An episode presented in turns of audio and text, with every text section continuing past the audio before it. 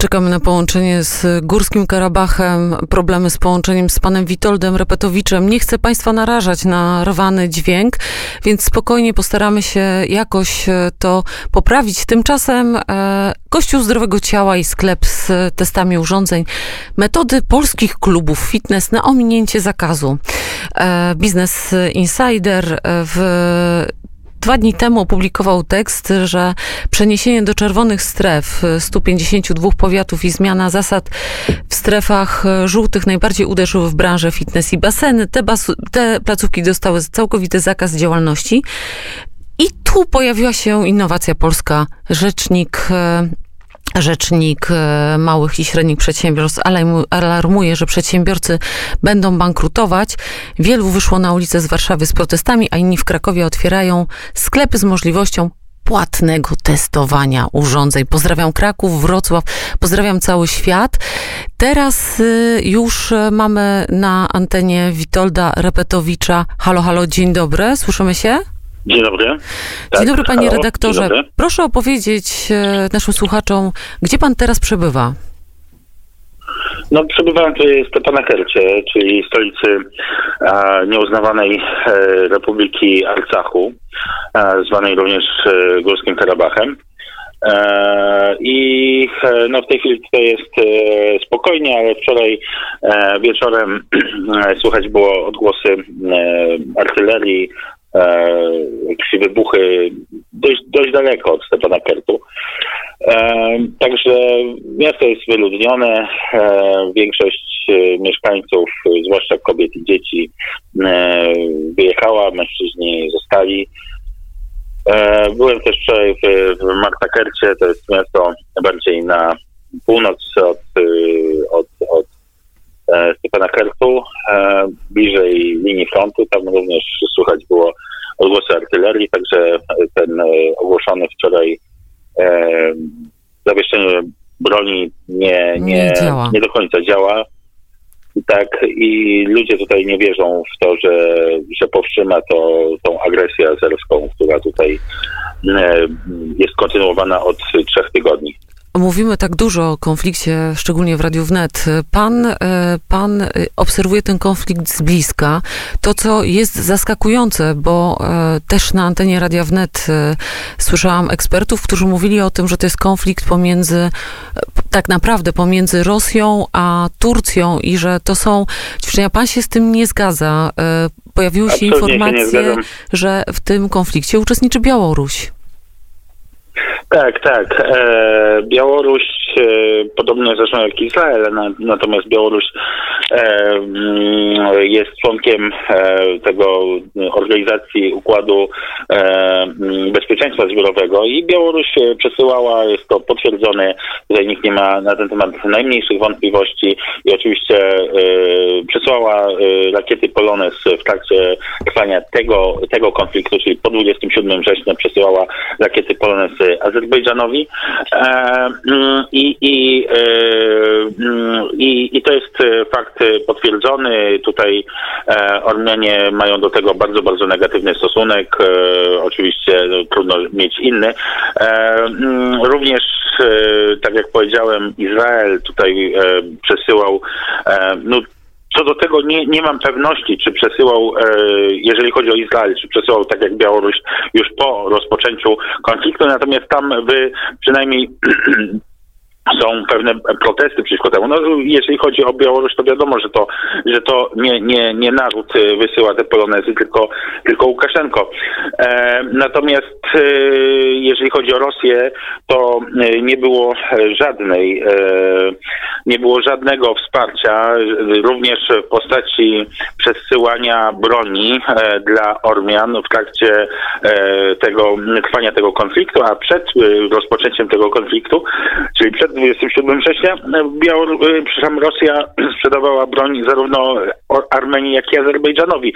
Także mówienie o tym, że jest to konflikt e, zastępczy, konflikt proksy między e, Turcją a Rosją jest jakimś totalnym nieporozumieniem, ponieważ po prostu Rosja nie jest zaangażowana ani militarnie, ani, ani nawet politycznie nie wyraziła swojego jednoznacznego poparcia dla, dla strony ormiańskiej, ponieważ chce zachować możliwość tutaj bycia tym mediatorem, tak?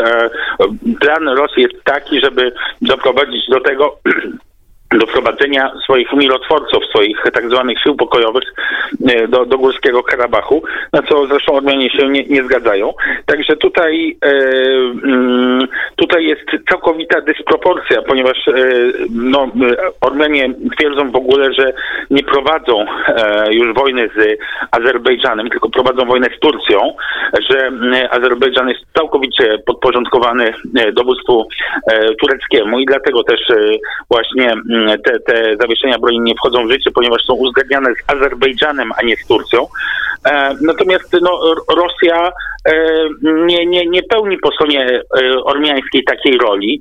E, jeśli chodzi o e, władze Armenii, to one e, rozmawiają nie tylko z Rosją, nie tylko szukają w Rosji wsparcia, ale również w Stanach Zjednoczonych, w Francji, w innych krajach europejskich, na przykład Grecji. I, i, i mm, także, także no jest, to, jest to całkowite nieporozumienie, postrzeganie tej, tej, tej, tej wojny jako oczywiście mm, wejście e, Turcji na e, południowy Kaukaz jest zagrożeniem dla rosyjskich wpływów na południowym Kaukazie. Niemniej to, to nie jest w tym momencie sytuacja taka, że, mm, e, mm, że jest tutaj dwóch aktorów, tak? Mhm. E, Turcja. Wejście Turcji na południowy Kaukaz zmienia w ogóle układankę i powoduje, że może tutaj wejść w każdej chwili również Iran, że, mm, że zmienia również optykę i zmienia e, układ geopolityczny, z którym musi się liczyć, muszą się liczyć Stany Zjednoczone, Francja, państwa europejskie, które są zagrożone ekspansjonizmem tureckim. Warto przypomnieć, że na, na, na Morzu Śródziemnym tych, tych dwóch kwestii, to, tego, czego to, to, co się dzieje na południowym Kaukazie i to, co się dzieje na Morzu Śródziemnym, nie można od, odłączyć, rozłączyć, tak? Ponieważ, e, ponieważ e, te, te rzeczy się łączą w, w związku z ekspansjonizmem tureckim i, i, i, i, i, e, i dlatego e, postrzeganie tego, sprowadzanie tego do, do, do wojny proksy między Turcją a Rosją jest całkowitym nieporozumieniem. To prawda, aczkolwiek, e, aczkolwiek jednak trudno jest oddzielić decyzję Łukaszenki od, od myślenia o tym, że to są jednak wpływy rosyjskie, bo każdy z nas zdaje sobie sprawę, że Łukaszenka nie jest samodzielny i być może stąd e, te błędne diagnozy. No, no dobrze, tylko, tylko, że, e, tylko, że proszę, proszę pamiętać, że Łukaszenko nie wspiera Ormian, nie wspiera strony armeńskiej, tylko wspiera stronę azerbejdżańską. Więc e, w tym momencie, jeżeli, skoro Łukaszenka nie jest samodzielny, a nie jest. To nie jest to konflikt chwili, między Turcją a Rosją.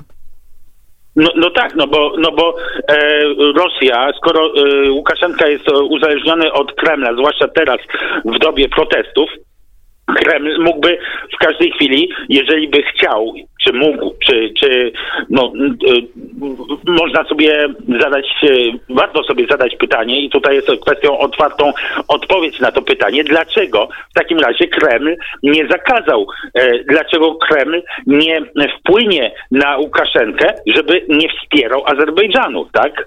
E, bo, bo, bo e, tutaj brak tej logiki, jeżeli Łukaszenko jest uzależniony od Kremla, a wspiera Azerbejdżan, jeszcze raz to podkreślę, Azerbejdżan, a nie Armenię, no to, no to, to nie, nie e, tworzy tej logiki wojny proxy Rosja-Turcja. To prawda, a proszę mi powiedzieć, kto wspiera Ormian? Czy poza diasporą ormiańską? Oni zostawili, pozostawieni zostali sami sobie.